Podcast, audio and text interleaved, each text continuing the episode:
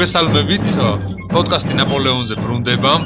ჩვენი რამდენი რამდენი ხნის შესვენების შემდეგ, საკმაოდ დიდი ხანია მე ნიკა კარგახანია არ გამოვჩენილი ვარ. არ გამოვჩენილი ვარ, რადგან სამწუხაროდან ვერ ვახერხებდი. მე და მალეკო ერთ ერთდროულად რომ შემოსულიყავით და ჩაგვეწერა. გამოდი, გამოდი, შენ ახლა ალბათ საახალწლო სმაჭამას სმას გადაყევი. არა, ნამდვილად მე მე არასოდეს საქმეზე არ ვიღებ ხელს ესა ესეთი მიზეზების მიზეზები, მაგრამ ასე ასე მოხდა და მაგრამ ახლა გამოვეცდებით რომ გამოვასწოროთ და დღეს ჩავწერთ ახალ პოდკასტს, რომელშიც ვისაუბრებთ აუსტერლიცის ბრძოლის შემდგომ მოვლენებზე 1805 წლისა და 1806 წლისა, როცა უკვე ნაპოლეონი ანუ უკვე ევროპა იწખებს ასე ვთქვათ ხედავთ უკვე სხვა ევროპას აუსტერლიცის შემდეგ როგორ შეიცვალა ყველაფერი ამ პერიოდში შემდეგ როგორ გამოჩნდა სამხედრო სარბიელზე პრუსიის სამეფო რომელიც არ მონაწილეობდა კოალიციურ ომში და ნახავთ თუ როგორი შედეგები მოიტანა ამ ყველაფერმა შემდეგ ნაპოლეონისთვის და ევროპის სხვადასხვა სახელმწიფოებისთვის. ნამდვილად. აუსტერლიცის ბრძოლის შემდეგ დილით ნაპოლეონმა პირველი რაც გნა ალბათ გაგეცინებათ გამოიცვალა ერთი კვირის გავხდელი პერანგი. აა როგორც იქნა მოიცალა ამ სააბისო. აა და ბრძოლის ველი სანახავად გაემგზავრა. აა საჩანის ტბა, ესე ტბა რომელიც აუსტერლიცის ბრძოლის სამხრეთით მდებარეობდა, ჩვენ ვისაუბრეთ ამაზე პოდკასტის დროს, რომ ეს უფრო ხელოვნური ტბა იყო, ხო? აი საჩანის ტბის ტბას რომ მიუახლოვდა, ნაპოლეონმა დაინახა ყინულზე რუსი ჯარისკაცი, რომელიც მძიმე დაჭრილი იყო ბარძაყში და სისხლისგან იცლებოდა. ფრანგი ოფიცრის მარსელენ მარბო შემდგომში იხსენებს, რომ ეს ციტატა არის მისმა სისხლმა ყინული წითლად შეღება საზარელი სანახავი იყო ეს ყოველივეო და მართლაც ნაპოლეონ რაღაც თავისებურად შეძრული იყო ამ სანახავით, ხო? ეს ერთი არის, როცა ბრძოლის ველზე ხარ და ვთქვათ ათასობით ადამიანი იბრძვის და მაინც ალბათ ნაპოლეონი იმდენად არ აქცევდა ყურადღებას, ვთქვათ თითოეული ჯარისკაცის მაგრამ აი ახლა ამ ბრძოლის ველის ბრძოლის შემდეგ აი ამ დაჭრილი და ამ მართლა დიდი სისხლის გუბეში, ხო? ყოფი ჯარისკაცის დანახვა ცოტა ეუცხოა ნაპოლეონს და ნაპოლეონი რო დაინახა ამ ჯარისკაცმა შველა ითხოვა და ნაპოლეონის ბრძანებით ორი ფრანგი ოფიცერი შევიდა ამ გაყინულ წყალში და ამ გამოათრიეს ეს დაჭრილი ჯარისკაცი ამ ყინულის ლოდიდან და ფრანგი ოფიცრები უმალვე დაჯილდოვდნენ რომის სასმელის ხო რომის ორმაგი პორციით ხოლო რუსმა საინტერესოა რომ შეძლო გამორჩართება და რაც კიდევ უფრო საინტერესოა ნაპოლეონის გვარდიის ლანსერების პოლკში მსახურობდა შემდეგი 10 წლეულის განმავლობაში. აა მეორე დილით ეს უკვე 4 დეკემბერს ნაპოლეონი დათანხმდა ავსტრიის იმპერატორის ფრანცისის თხოვნას. შეხვედრილიყვნენ მოსალაპარაკებლად. შეხვედრა მათაც მოხდა იმავე დღეს. დაახლოებით შუა დღის 2 საათზე. ავსტერლიციდან დაახლოებით 15 კილომეტრის მოშორებით მდებარე სპალენ მილენის წისქვილთან მართალი ორი დღის წინ ეს იმპერატორები ერთმანეთს განადგურებით იმკრებოდნენ, ხო? მაგრამ ეხლა უკვე შეხვედრისას ერთმანეთს ჩაეხუტნენ, ვითომ არაფერი არ მოხდა და საათ ნახევრის განმავლობაში გაცხარებული სამბრობდნენ. ნაპოლეონის თანხლებ ოფიცრებიდან ერთ-ერთმა შემდეგში აღნიშნა, თუ რაოდან უცნაური სანახავი იყო ეს ყოველივე. გერმანიის, მთელი გერმანიის იმპერატორი მორჩილები თავს იხრის და ემუდარება ზაზავებაზე ერთი ღარიბი კორსიკელი ოჯახის შვილს. რომელიც სულ ცოტა ხნის წინ უბრალო артиლერიის უმცროსი ლეიტენანტი იყო, მაგრამ რომელიც ნიჭმა, ბედმა და ფრანგი ჯარისკაცის ხნეობამ ძალაუფლების წევრალზე აღაზევა და ევროპის ბედის არბიტრად აქციაო. შეხვედრის შემდეგ სამწუხაროდ ჩვენ არ არა გვაქვს ზუსტი ინფორმაცია თუ რა კონკრეტულად რაზე საუბრობდნენ ამ შეხვედრისას, იმიტომ რომ ნაპოლეონი და ფრანცისკა ესე განცალკევებულები იყვნენ, მაგრამ ვიცით ზოგადად რა მოხდა? იმიტომ რომ შეხვედრის მერე ნაპოლეონმა წერილი მიწერა ტალერანს თავის საგარეო საქმეთა მინისტრს და იქ აღნიშნა რომ ციტატა არის ფრანსურს დაუყოვნებლივ დაზავება მემუდარებოდა საამისოდო და შეხვედრის შემდეგ ნაპოლეონი გამოიმშვიდობა ავსტრიელთა იმპერატორს შეცხენზე შეჯდა და თავის ოფიცრებს გაღემებული გადასახა ბატონებო აბა წავედით პარიში ზავი ჩვენს ხელთ არისო პარიზში ცოტა ხნის მერე იმასაც შეხვდა რა? ჰაუგვიცაც შეხვდა ნაპოლეონი. ჰაუგვიც ხო, ვენა ვენაში რო დაბრუნდა. 900-ში შეხვდა, ხო. ვენაში დაბრუნდა ნამდვილად, შეხვდა. ნუ ბრძოლის წინ ხო შეხვდა, ხო გახსოვს? ხო. თუმცა მე ჰაუგვიცმა ბევრი რაღაცა გადახარშა თამში უკვე. ამ ვენაში დაბრუნებულმა ნაპოლეონმა პირველ რიგში რაც გააკეთა არის თავის ჯარისკაცებს მიხედა. დაურიგა ჯამაგირი, დამატებითი სურსათი, აღსანიშნავია რომ ნაპოლეონის ბრძანებით აუსტერლიცის ბრძოლაში დაღუპული ყველა ჯარისკაცის ქრივმა მიიღო 200 ფრანკის ოდენობის წლიური პენსია სიცოცხლის ბოლომდე. ხოლო გენერლის და ესეთი ოფიცრების ქრივმა 6000 ფრანკი წლიური პენსია. ასევე აღსანიშნავია რომ ნაპოლეონის ბრძანებით ადგილობრივი ხელისუფლებას დაევალა ყველა დაღუპული ფრანგი ჯარისკაცის შვილებისათვის ეშოვნა სამსახური დაუყოვნებლი და ამ შვილებს მიეცადნება თავის სახელის სახელს დაამატებო დაამატონ ნაპოლეონი როგორც შუა სახელი ხო? თქვათ ჟან ბატის ნაპოლეონ ან ან გიომ ნაპოლეონ ხო? რაც ასე თქვათ პატივი იყო პატივი ხო. და შემდეგ უკვე 15 დეკემბერს ვენაში ყოფნისას აი შენ როგორც აღნიშნე ნიკა მოხდა შეთანხმება საფრანგეთსა და პრუსიას შორის, რომელიც შევიდა ისტორიაში შონბრუნის ხელშეკრულების სახელით. არ უნდა შეგვეშალოს ეს შონბრუნის ხელშეკრულება იმ იმ ავსტრიისა და საფრანგეთის შონბრუნის ხელშეკრულებაში, ხო? რომელსაც 4 წლის შემდეგ მოაწერენ, ხო, ხელს? ეს არის 15 დეკემბრის 1805 წლის 15 დეკემბრის ხელშეკრულება. აა და ეს აღსანიშნავია იმით, რომ ამ ხელშეკრულებით ნაპოლეონი დათანხმდა პრუსიისათვის გადაეცა ჰანოვერის ოლქი. ხო, რომელიც ინგლისს ეკუთვნოდა. ხო, რომელიც ნაპოლეონის გადასაცემი არ იყო საერთოდ. აა მაგრამ ფაქტობრივად ნაპოლეონი დათანხმდა პრუსიის მიერ ჰანოვერის დათრევაზე. ამის საპასუხოდ ნაპოლეონმა ითხოვა მნიშვნელოვანი ტერიტორია გერმანიაში და პრუსია დათანხმდა ამაზე, კონკრეტულად დათანხმდა გადაეცა ფრანგეთისათვის ანსპახის, ნიუშატელის და კლევის რეგიონები. ა პრუსიისათვის ეს ძალიან ხელსაყრელი ხელშეკრულება იყო. ვიდაინდან პრუსიას დიდი ხნის ინტერესი ჰქონდა ჰანოვერის ოლქში. და სწორედ ამიტომ დაუყოვნებლივ ჰაუგვიცმა ხელი მოაწერა ამ ხელშეკრულებას და ფაქტურად ამ ხელმოწერით პრუსია განუდგა ბრიტანეთთან ხელმოწერილ პოცდამის ხელშეკრულებას, რომელიც ერთი თვით ადრე მოაწერა, სასაცინია, ხო? და აი ბრიტანეთთან კოალიციის ნაცვლად პრუსია შეგება საფრანგეთთან დაახლოების გზაზე. და ეს შონბრუნის ხელშეკრულება ჩვენ შეგვიძლია განვიხილო როგორც ნაპოლეონის მიერ მეტად წარმატებული ხო ეს პოლიტიკური ან დიპლომატიური ნაბიჯი რითაც მან გახლიჩა კიდევ უფრო მის წინამდე შექმნილი კოალიცია. მართალია დიდი ხანს არ გასანა ხო ამ საფრანგეთსა და პრუსიას შორის ურთიერთობის გაუმჯობესება მაგრამ მაინც. იმავე თვის ანუ დეკემბრის ბოლოს 27 26-27 დეკემბერს ხდება პრესბურგის ხელშეკრულების ხელმოწერა. პრესბურგი ეს ეს ხელშეკრულება საკმაოდ მნიშვნელოვანია იმით რომ ავსტრია ამ ამ ხელშეკრულებით ცნობდა საფრანგეთის მიერ დაპყრობილ ყველა ტერიტორიას. ეს იქნებოდა იტალიაში, დასავლეთ ყველაზე ძიმეზავე იყო აქამდე რაც დაუდგეს საფრანგეთთან. აჰა, და ეს იქნება იტალიაში, თქვა თელი პიემონტი, ლომბარდია, ხო, ცენტრალური იტალიის ნაწილები. აა ეს იქნება დასავლეთ და სამხრეთ გერმანია. აა რომ ნაპოლეონის ასოს ხო ცნობდა იტალიის მეფეთ. ხო, ნამდვილად. პრინციპში ვენეციას დაებრუნა რა ამ ამ ომის დროს. დიახ, და ამ ხო, ანუ ხდება კამპო ფორმიოს ხელშეკრულების, თქვა, განახლება და ამას კიდევ ემატება აი სწორედ ნაპოლეონის მოთხოვნები. და ეს მოთხოვნები იყო შე როგორც თქვი ვენეციის ოლქი. აა ტრიესტი და ისინი სხვა იყო ისტრია აუგსბურგი შვაბია ის გერმანიაშიც ანუ რაც პრინციპში ავსტრიას წაართვა ყველა ის ტერიტორია რის გამოც ის საფრთხურმის იმპერიად იწოდებოდა.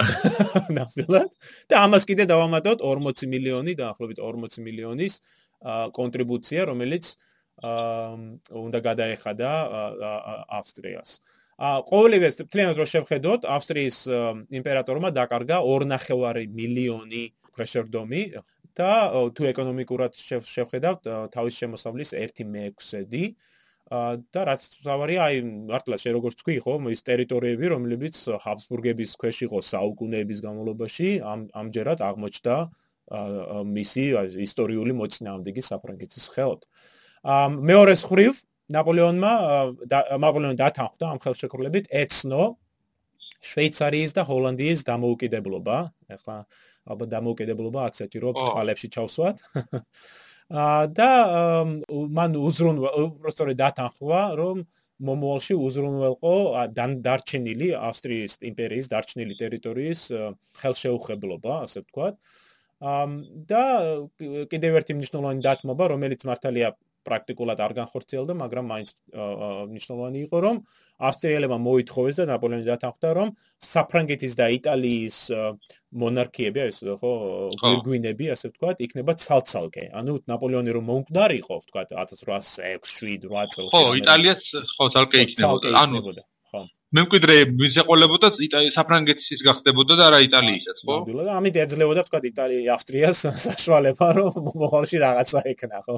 ხო, საფრთხო რომის იმპერიას ის რო ჩამოართვა, ისიც აღსანიშნავია, ალბათ, იმიტომ რომ ისტორიული მოვლენა, ასე თქვა, დიდი ის კი აღარ ქონდა პრინციპში, საფრთხო რომის იმპერატორი აღა აღარ იყო რეალურად ის საფრთხო რომის იმპერატორი, რაც მანამდე თქვა შუა საუკუნეებში იყო თუნდაც, იმიტომ რომ ავსტრიის ავსტრო-უნგრეთის იმპერია უკვე ცალკე ყალიბდებოდა ამ დროისთვის და ეს გერმანული ისა მოწყვეტილი იყო ნამდვილად ამ საფრთხო რომის მეებს, რა გავლენას და საზღურებს, მაგრამ მაინც ალბათ ფორმალურად ძალიან დიდი მნიშვნელობა ჰქონდა ისტორიული თვალსაზრისით, რომ აი ავსტრიის იმპერატორ ჰაბსბურგები, რომლებიც ამდენი საუკუნე იყვნენ აა საფრთხო რომის იმპერატორები, კარგავენ ამ 1805 წელს და ხდება იმპერატორი, რომელიც იყო ფრანც მეორე საფრთხის იმპერატორი, ავსტრიის იმპერატორი, ფრანც პირველი, ავსტრიის პირველი იმპერატორი. ნამდვილად, ან ამ ჩვენ ამ ცვლილებას უკვე ხედავთ იანვარ-თებერვალში და მე ოფიციალურად, ხო, საფრთხის იმპერიის იმპერია თავის არსებობას შეწყვეტს 1806 წლის აგვისტოში.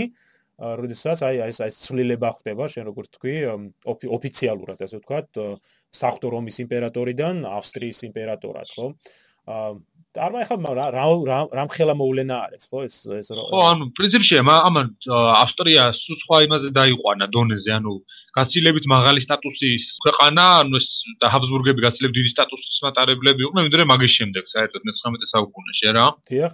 და ფაქტურად კარგავენ ამ გერმანიაში თელზე გავლენას და თვითონ გერმანიის ისტორიაშიც ერთ-ერთი ესეთი მნიშვნელოვანი ცვლილება ხდება სწორედ აი ამ აი ამ ავსტერლიცთან გამარჯვების შემდეგ, ვინაიდან ნაპოლეონი ფაქტიურად ხდება გერმანიის არა თქვა გამგებელი. ახლა შემდეგში მას ეკნება ხო ეს დამცველის და პროტექტორის და ოფიციალური ტიტული მართლაც ჩვენ ხედავთ აი ამ ცვლილებებს უკვე 1806 წლის გაზაფხულზე როდესაც ნაპოლეონმა ჩაატარა აი გერმანიის რეორგანიზაციის მეორე ხო ეტაპი და იქნება ხო ახალი კონფედერაცია გერმანიაში, რომელსაც შემდგომში უკვე რაინის კონფედერაციას უწოდებენ. ამ კონფედერაციაში შევა თავდაპირველად 16 გერმანული სახელმწიფო, რომელიც აი ნაპოლეონის ქვეშევრდომის ამ პროტექტორატის ქვეშ იმყოფება. ამ სახელმწიფოებს შორის არის ბავარია, ვიურტემბერგი, ბადენი, ჰესე დამშტატი, ნასაუ და ხდება აი ამ გერმანული სამხრეთ გერმანული სახელმწიფოების გაერთიანება საფრანგეთის ეგიდის ქვეშ და ყარდება ნაპოლეონის ზეგავლენა გერმანიაში. კიდევ ერთი აღსანიშნავია რომ სწორედ ამ მომენტში ხდება ასევე აი გერმან ცალკეული გერმანული სახელმწიფოების შიგნითაც მნიშვნელოვანი ცვლილებები. ბავარიის სახელმწიფო ხო რომელსაც ელექტორი მართავდა ხდება სამეფო გახდა. სამეფო ნამდვილად იგივე შეეხება ვთქვათ ბადენის სახელმწიფო ბატენსაც ხო აა რაც თავია ნაპოლეონმა დაასაჩუქრა ის გერმანული სახელმწიფოები რომლებიც მას გვერდით ედგნენ მესამე კოალიციის ომის დროს. ხო მათ თითოეულმა მათგანმა მიიღო ტერიტორია რომ არაფერი ვთქვათ ფულად ანაზღაურებაზე. საფრანგეთში დაბრუნების შემდეგ ნაპოლეონმა მიხედა თქვა შორის ეკონომიკურ ვითარებას საფრანგეთშიც ჩვენ წინა პოდკასტში გავყრით აღნიშნეთ რომ საფრანგეთს საკმაოდ ესეთი პრობლემა ეკონომიკური პრობლემა მაქონდა 1805 წლის საფხულში საბანკო კრიზისი კრიზისის წინ აღმოჩნდა და აი ავსტრიის გამარჯვება იმითით იყო მნიშვნელოვანი რომ ან ავსტრიაში და გერმანიაში ხო გერმანულ სახელმწიფოებიდან ამოღებული მილიონობით ფრანკით ნაპოლეონმა შეძლო საფრანგეთის ეკონომიკური ვითარების სტაბილიზაცია. თუნდაც იგივე ეროვნული ბანკში ხო ეს ფულადი შენატანების გაზრდას. და აი ჩვენ ხედავთ აი სისტემის ჩამოყალიბებას ესე ფორმალური სახით რომელიცაც აი ომი ხო ყვებავდა საფრანგეთს აი იმპერიას რომელიც დანიშნულოვანი ფაქტორი იყო იმისა თუ რატომ ნაპოლეონი აწარმოებდა ამ ამ თქვა ომებს შემდგომში მართალია ომი მთლიანად არ ფარავდა ამ საომარ ხარჯებს, ამ კონტრიბუციები, მაგრამ დაახლოებით 60% მაინც ხდებოდა აი ამ კონტრიბუციები და დაკავებული ტერიტორიებიდან ამოღებული ფულით ამ ამ ამ ხარჯების დაფარვა. კიდევ ერთი საინტერესო მოვლენა რაც ხდება აი ამ 1806 წლის გაზაფხულზე, როდესაც ნაპოლეონი ბრუნდება საფრანგეთში არის ფაქტურად ახალი ფრანგული ელიტის ჩამოყალიბება. სწორედ 1806 წლის გაზაფხულზე ჩვენ ხედავთ ნაპოლეონის მიერ ახალი წოდებების გაცემას თავისი მარშლებისათვის, ან იმ გენერლებისათვის, რომელმაც გამოიჩინეს თავი. და აი გარკვეულ წილად ეს იმით არის განპირობებული, რომ ნაპოლეონმა ხო თავის ზეგავლენის ქვეშ მოაქცია გერმანიის ნაწილი, მაგალითად. მარშალი მიურატი, ხო, რომელსაც ჩვენ კიდე შევხვდებით არაერთხელ.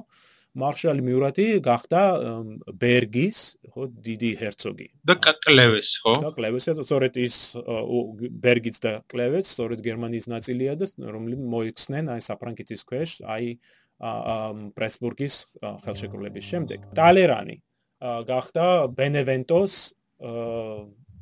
პრინცი, ხო? ხოლო ბენევენტო სწორედ მდებარეობს აა სამხრეთ იტალიაში ჩვენ ვისაუბრებ ნაპოლეონსა და ნეაპოლის მონარქიას შორის ურთიერთობაზე, მაგრამ აი საკმარისი აქ აღნიშნოთ, რომ 1806 წლის გაზაფხულზე ხდება ნეაპოლისში შეჭრა ფრანგების ამ სამეფოს დაკავება და აი ბენევენტოს რეგიონი გადაეცა ტალერანს. ბერნადოტი რომელიც ყველა შორის მინდა სმენელს უთხრა რომ შემდეგი ჩვენი პოდკასტი სტორი დაეთმობა ბერნადოტს.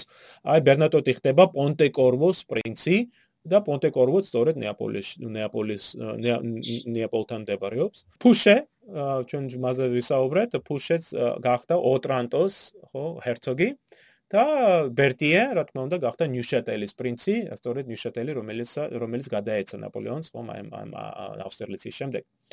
ამ აღსანიშნავია, რომ აი ამ სახელმწიფო ამ ამ რეგიონებში თუ ამ სათავადოებში თუ ამ საჰერცოგოებში ნაპოლეონმა რო გადასცა ამ თავის გენერლებს და მარშლებს თითოეულ შემთხვევაში მან მისწერა თქვა წერილები მათ და ამ წერილებში ყოველთვის იყო მითითებული რომ აი მიურატი თქვა ტალერანი თუ ბერნადოტი თუ თუ ბერტია მათ უნდა შეექმნათ ამ სახელმწიფოებში აი ფრანგული სტილის ხელისუფლება, ფრანგული სტილის კანონმდებლობა და ეს ანუ მინდა ხაზი გავსვა რომ აი ამ ტერიტორიების გადაცემა ხდება არა მარტო იმიტომ რომ ამ ტერიტორიებიდან ან ფრანგული ელიტა ფულს შეიძენდა რაც თავის თავად ხო ხდებოდა მაგრამ ასევე ხდება აი ფრანგული რევოლუციური რეფორმების ექსპორტი ხო გატანა ევროპის სხვა სხვა ნაწილებში. თვით საფრანგეთის შიგნითაც ნაპოლეონი ქმნის ამ ახალ ელიტას იმით რომ აძლევს ხომ ამ ამ თავის თანამოაზრეებს ახალ წოდებებს მაგალითად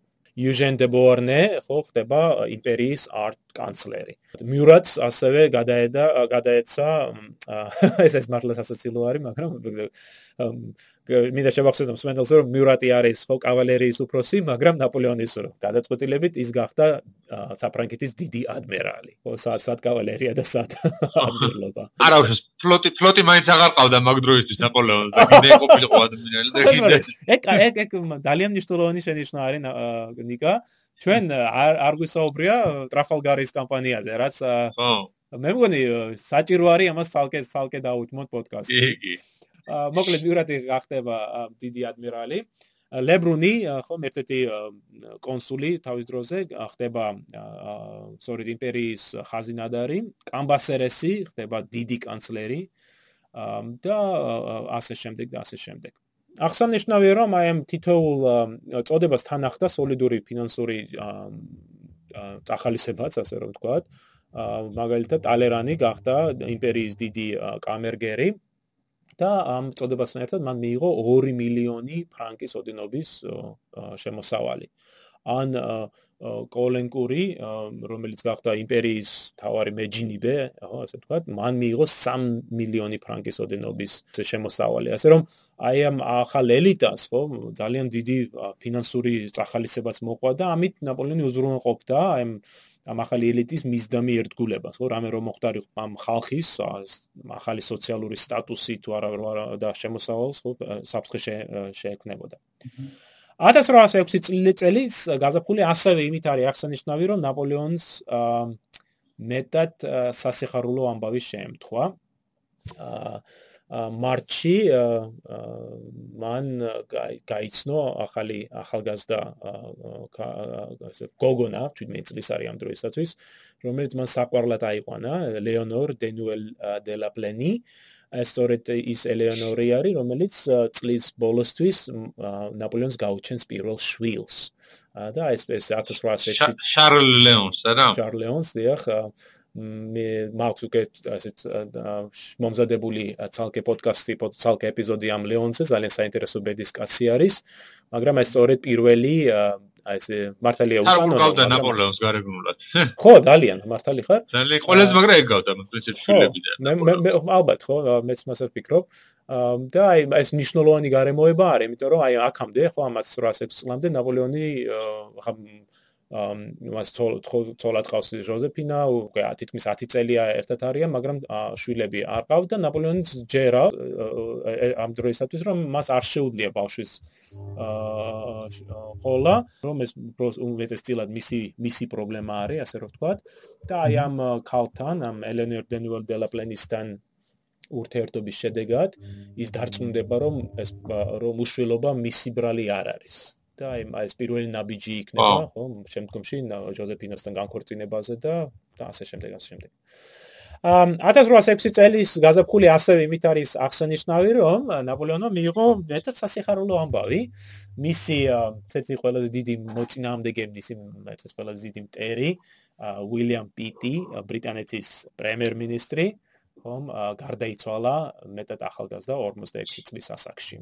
პიტი შესანიშნავი პიროვნება იყო, თქვა პოლიტიკური თვალსაზრისით მეტად გამოჩენილი პოლიტიკოსი და რომ დარჩენილიყო ძალაუფლებაში საინტერესო არის როგორ წარიმართებოდა თქვა ბრიტან ბრიტანეთის პოლიტიკა აი ამ სწორედ აი ამ მომენტში 6 წელი 6-7 წლებში მაგრამ ვინაიდან ის გარდაიცვალა ბრიტანეთში ხდება ახალი ხელისუფლების ჩამოყალიბება. ამ ხელისუფლებას, რომელსაც ინგლისურად Ministry of All Talents ეწოდება, ანუ ყველა ნიჭის სამინისტრო და ეს რა თქმა უნდა ირონიული სახელწოდება არის. აი სწორედ აი ამ სამ ახალ ხელისუფლებაში, რომელსაც სათავეში ედგა უილიამ გრენვილი, ჩვენ ხედავთ აი ბრიტანეთის მხრიდან ცოტა უსუსური პოლიტიკის წარმოებას ნაპოლეონის მიმართ. ბრიტანეთის ახალი საგარეო მინისტრი არის ჩარლზ ჯეიმს ფოქსი.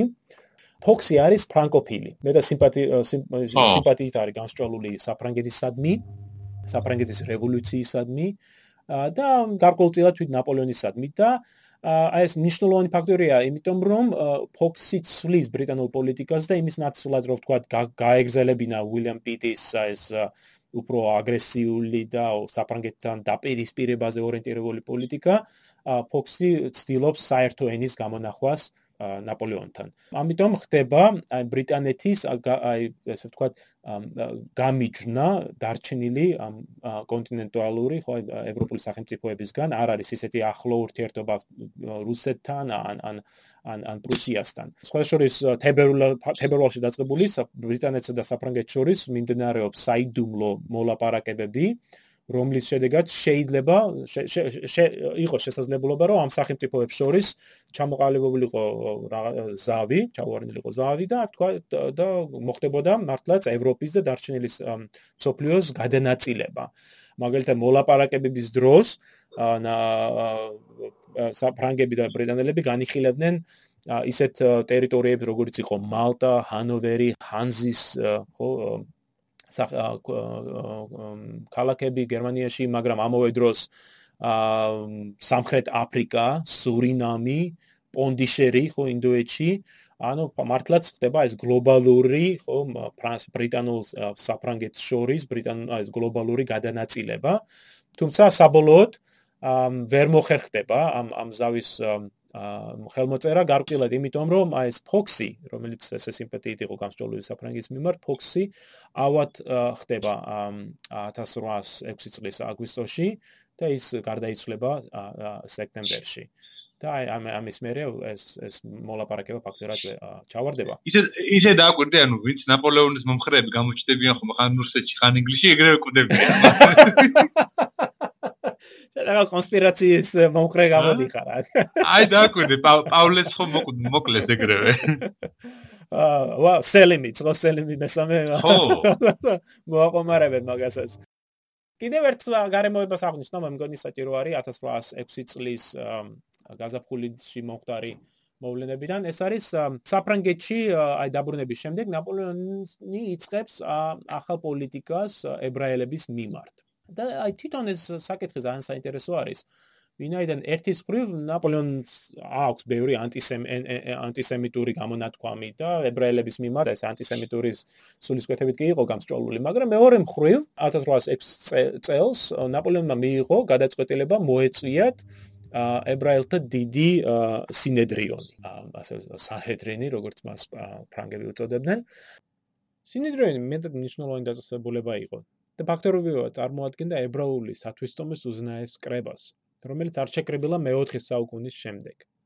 358 წელს რომის იმპერატორის ბრძანებით ის დაიშალა და მართალია მეხუთე საუკუნეში იყო მისი განახლების რამდენიმე ცდა, მაგრამ ისინი წარუმატებლები აღმოჩნდა.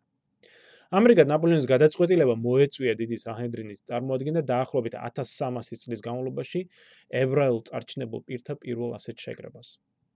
თავდაპირველად ნაპოლეონმა 1806 წლის აპრილში შეკრიბა ფრანგული ებრაული სათვისტომოს წარმომადგენელთა კრება, რომელსაც სათავეში ედგა სტრასბურგელი რაბინი დევიდ სინცჰეიმი. ნაპოლეონმა ამ შეკრებას გაუგზნა 12 შეკითხვა, რომლებიც ებრაელთა სოციალურ ეკონომიკურ მდგომარეობის და ცხოვრების ამსახველებთან დაკავშირებული იყო. მაგალითად ნაპოლეონს აინტერესებდა ვინ ირჩევდა კონკრეტულად რაბინებს. რომელი პროფესიები ეკრძალებოდა ებრაელებს თავისი წამსის მიხედვით. დაშვებული იყო თუ არა ებრაელებში განქორწინება და ასე შემდეგ. ერთ-ერთ შეხვედრაზე ნაპოლეონის წარმომადგენელი ლუი მათიუ მოლე აღნიშნავდა, რომ ნაპოლეონს სურდა ებრაულ სათვისტომოს ტრადიციებში, ადათებში არსებული სხვადასხვაობის ამოხრა და მათი საფრანგეთის კანონმდებლობასთან შესაბამისობაში მოყვანა. ფრანგული ებრაული სათვისტომოს შეკრებამ შემდეგ გაგზავნა მოწვევები ევროპის ყველა ებრაულ სათვისტომოში და მოიწვია ისინი დიდი სინედრიონის შეკრებაზე, რომელიც 1806 წლის 20 ოქტომბრისთვის იყო დაგმეკმილი. თუმცა საბოლოოდ 1807 წლის 9 თებერვალამდე გადაიდო. დიდ სინედრიონს დაესწრო ებრაული სათვისტომოს 100-ზე მეტი წარმომადგენელი, რომლებმაც გამართეს რამდენიმე სესია მიიღეს გადაწყვეტილებები, რომელსაც საფუძველზე მოხდა მნიშვნელოვანი ცვლილებები ებრაელთა ყოფაში როგორც საფრანგეთში, ასევე საფრანგეთის მიერ დაკავებულ ტერიტორიებში. ჩვენ ხედავთ 1806 წლიდან დაწყებული, რომ ნაპოლეონი ცვლის ებრაელთა მდგომარეობას ევროპაში. მაგალითად, ის აუქმებს გეტოებს, ებრაელთა უბნებს, რომელიც მე-16 საუკუნეში ჩამოყალიბდა ევროპაში. ამ გეტოებს ისეთ ადგილებში, როგორც არის ვენეცია, ვერონა, პადუა, ლივორნა, ანკონა, რომი, სწორედ ნაპოლეონის გადაწყვეტილებით თავდება ეს ეს მრავალსაუკუნოვანი პრაქტიკა, რომელიცაც ებრაელებს ევალებოდათ სპეციალური ნიშნების ტარება თავის თანსაცმელზე როგორც წესი. ხუთსაც რო ატარებდნენ რაღაცა. ხო, ხო, როგორც წესი იყო დავითის ვარსკვლავი, ხო, ყვითელი ვარსკვლავი. ხო, მაგენ დავითი. აჰა. რომელსაც ისინი იზოლებულები იყვნენ, აეტარებინათ თავის ტანის 60-ზე, რათა ეჩვენებინათ ყველასაც, რომ ისინი ებრაელები იყვნენ და აი ნაპოლეონი ამას აუქმებს. ასევე დება თქვა თვითონ საფრანგეთში საფრანგეთში როგორც ჩვენ ნახეთ რევოლუციის დროს ებრაელებს ხო მიეცათ სრული სამოქალაქო უფლებები და აი ჩვენ ხედავთ აი სწორედ ამ აი ესეთი უფლებების ამ პრაქტიკის გატანას ევროპის სხვა სხვა მხარეში სამხრეთ გერმანია იქნება ეს თუ იტალია სადაც ებრაელები უბრალოდ უფრო დიდი თავისუფლებით და უფლებებით სარგებლობენ ამ ამ ნაპოლეონის პოლიტიკის მეშვეობით. ამ ჩვენ აღნიშნეთ ხომ აი საფრანგეთსა და პრუსიას შორის შონბრუნის ხელშეკრულება, რომელიცაც რომელიც მოეწერა 1805 წლის დეკემბერში და აი აღნიშნე მე რომ საფრანგეთის პროცესის შორის ეს თითქოს და მეგობრული ურთიერთობა ჩამოყალიბდა, მაგრამ ეს ურთიერთობა მეტად ხანმოკლე აღმოჩნდა. უკვე გვიან გაზაფხულზე შეინიშნება დაძაბულობა საფრანგეთსა და პრუსიას შორის. ვინაიდან პრუსიელებმა მართლაც გაიაზრეს თუ რაოდენ დიდ ცვლილებებს შეიტანდა ნაპოლეონი გერმანიაში. თუ აქამდე მათ რაღაცა იმედი ჰქონდათ რომ აი რეგიონალური ჰეგემონია რომელსაც პრუსია გააჩნდა, რომ ისინი მას შეინარჩუნებდნენ როგორღაც ზაფხულისთვის, აი მაის ივნისისათვის აშკარა ხდება რომ იგზნეს ნაპოლეონის გავლენა იგზნეს. ნამდვილად. და ამ ხრივ აღსანიშნავია მეტად საინტერესო მოვლენა, რომელიც ხდება 1806 წლის ზაფხულში. კონკრეტულად ნიურენბერგში, ცნობილი ქალაქი გერმანიაში, ნიურენბერგში ცხოვრობდა და მოღვაწეობდა ციგნების გამომცემელი იოჰან პალმი. და სხვა ბევრი გერმანელის მსგავსად იოჰან პალმი მეტად კრიტიკულად იყო განწყობილი ნაპოლეონის მიმართ. მართალია ნაპოლეონმა შეიტანა ბევრი პროგრესული იდეა გერმანიაში, მაგრამ ეს ხდება რა თქმა უნდა აი აი ოკუპაციის გზით, ხო? ნაპოლეონი ფრანგეთის ზეგავლენის დაწესების ხრი და ბუნებრივია პალმს და სხვა აი პატრიოტ გერმანელს ეს არ სიამოვნებდა. მოკლედ 1806 წელს პალმა გამოსცა ანონიმურად დაწერილი პამფლეტი რომელშიც სტორი რომელიც შემდეგ ჩვენ დღეს ვიცით რომ ეს იყო გერმანელი ეს პატრიოტი ეს ფილიპ ფილიპ იელენი და მოკლედ აი ამ პამფლეტში ხდება ეს სწორედ ნაპოლეონის გაკიცხვა საფრანგეთის მიერ გერმანიაში შეჭრის დაგმვა და გერმანელების ზოგადად გერმანელების მიმართ ეს მოწოდება რომ გაერთიანებულიყვნენ ამ ხომ რაიმე ეღონათ ამ ამ ამ ოკუპაციის შესაჩერებლად. ამ ასეთი რა თქმა უნდა სხვა პამფლეტის დაწერილა, მაგრამ აი პალმის შეცდომა ის იყო რომ მან ეს ოფიციალურად გამოსცა და გაავრცელა. ანა ნაპოლეონმა ჩვენ როგორც აღნიშნეთ ერთ პოდკასტში ძალიან ის მეტად დიდ ყურადღებას აქცევდა ხო მედიას ამ ნეტუმეტის ჟურნალ გაზეთებს და ეს ეს პამფლეტი დაუყოვნებლი იქნა მისთვის მიწოდებული. ის საკმაოდ ნაპოლეონის საკმაოდ აღშფოთებული დარჩა ამ ამ პამფლეტში დაწერილი ხო ამ სულისკვეთებით და მოითხოვა პალმის დაუყოვნებლივ დაკავება მართლაც პალმი დააკავეს და მოითხოვეს მისგან ამ პამფლეტის ავტორ ავტორის ვინობის გამშღავნება. მან უბრალოდ უარი განაცხადა. ამიტომ 1806 წლის აგვისტოს მას წაუყენეს ბრალდება და დახვრიტეს. პალმის დახვრეტვამ ძალიან დიდი ზეგავლენა იქონია გერმანიაზე და განსაკუთრებით პრუსიაზე. სადაც უკვე ამ დროისათვის აგვისტოსთვის არის უკვე ჩამოყალიბდა ესე ვთქვათ ომის პარტია, ომის ფრაქცია, ასე ვთქვათ, რომელსაც სათავეში ედგა თვით დედოფალი ლუიზა და ისინი უკვე დიდი ხნის განმავლობაში ლობირებდნენ პრუსიის მეფე, ხო, ფრიდრიხ უილიამი, რომ ის უფრო კატეგორიულად დადგმოდა ნაპოლეონის წინ და ვთქვათ შეინარჩუნებინა და დაეცვა გერმანიის ინტერესები. და სწორედ აი პალმის პალმის პალმის დახვრეტვამ დიდი როლი თამაშა ამ ამ ომის პარტიის მიერ ფრედერიკ უილიამისათვის დაერწმუნებინათ რომ მართლაც საჭიროა რაღაცა მოხდეს. აგერ ფრანგები აპატიმრებენ გერმანელებს ხრეტენ მას და არავინ არ არის მათი დამცველიო. და აი ჩვენ ხედავთ აგვისტოს ბოლოდან ფრედერიკ უილიამის მიერ ომისთვის მზადება სწორედ ეს ეს იმ ომისთვის მზადება არის რომელიც ოქტომბერში ხო გამოცხადდება და რომლის შედეგად მოხდება ამ ამ პრუსიის სავსებით განადგურება. ხო, ნაპოლეონმა სული შეუბერა პრუსიას და პრუსია გაქრა. ნამდვილად. მოდი ჩვენ აგავჩერდეთ და პასტორეთ ამ სული შებერვაზე სული შებერვაზე გადავიდეთ შემდეგ პოდკასტში.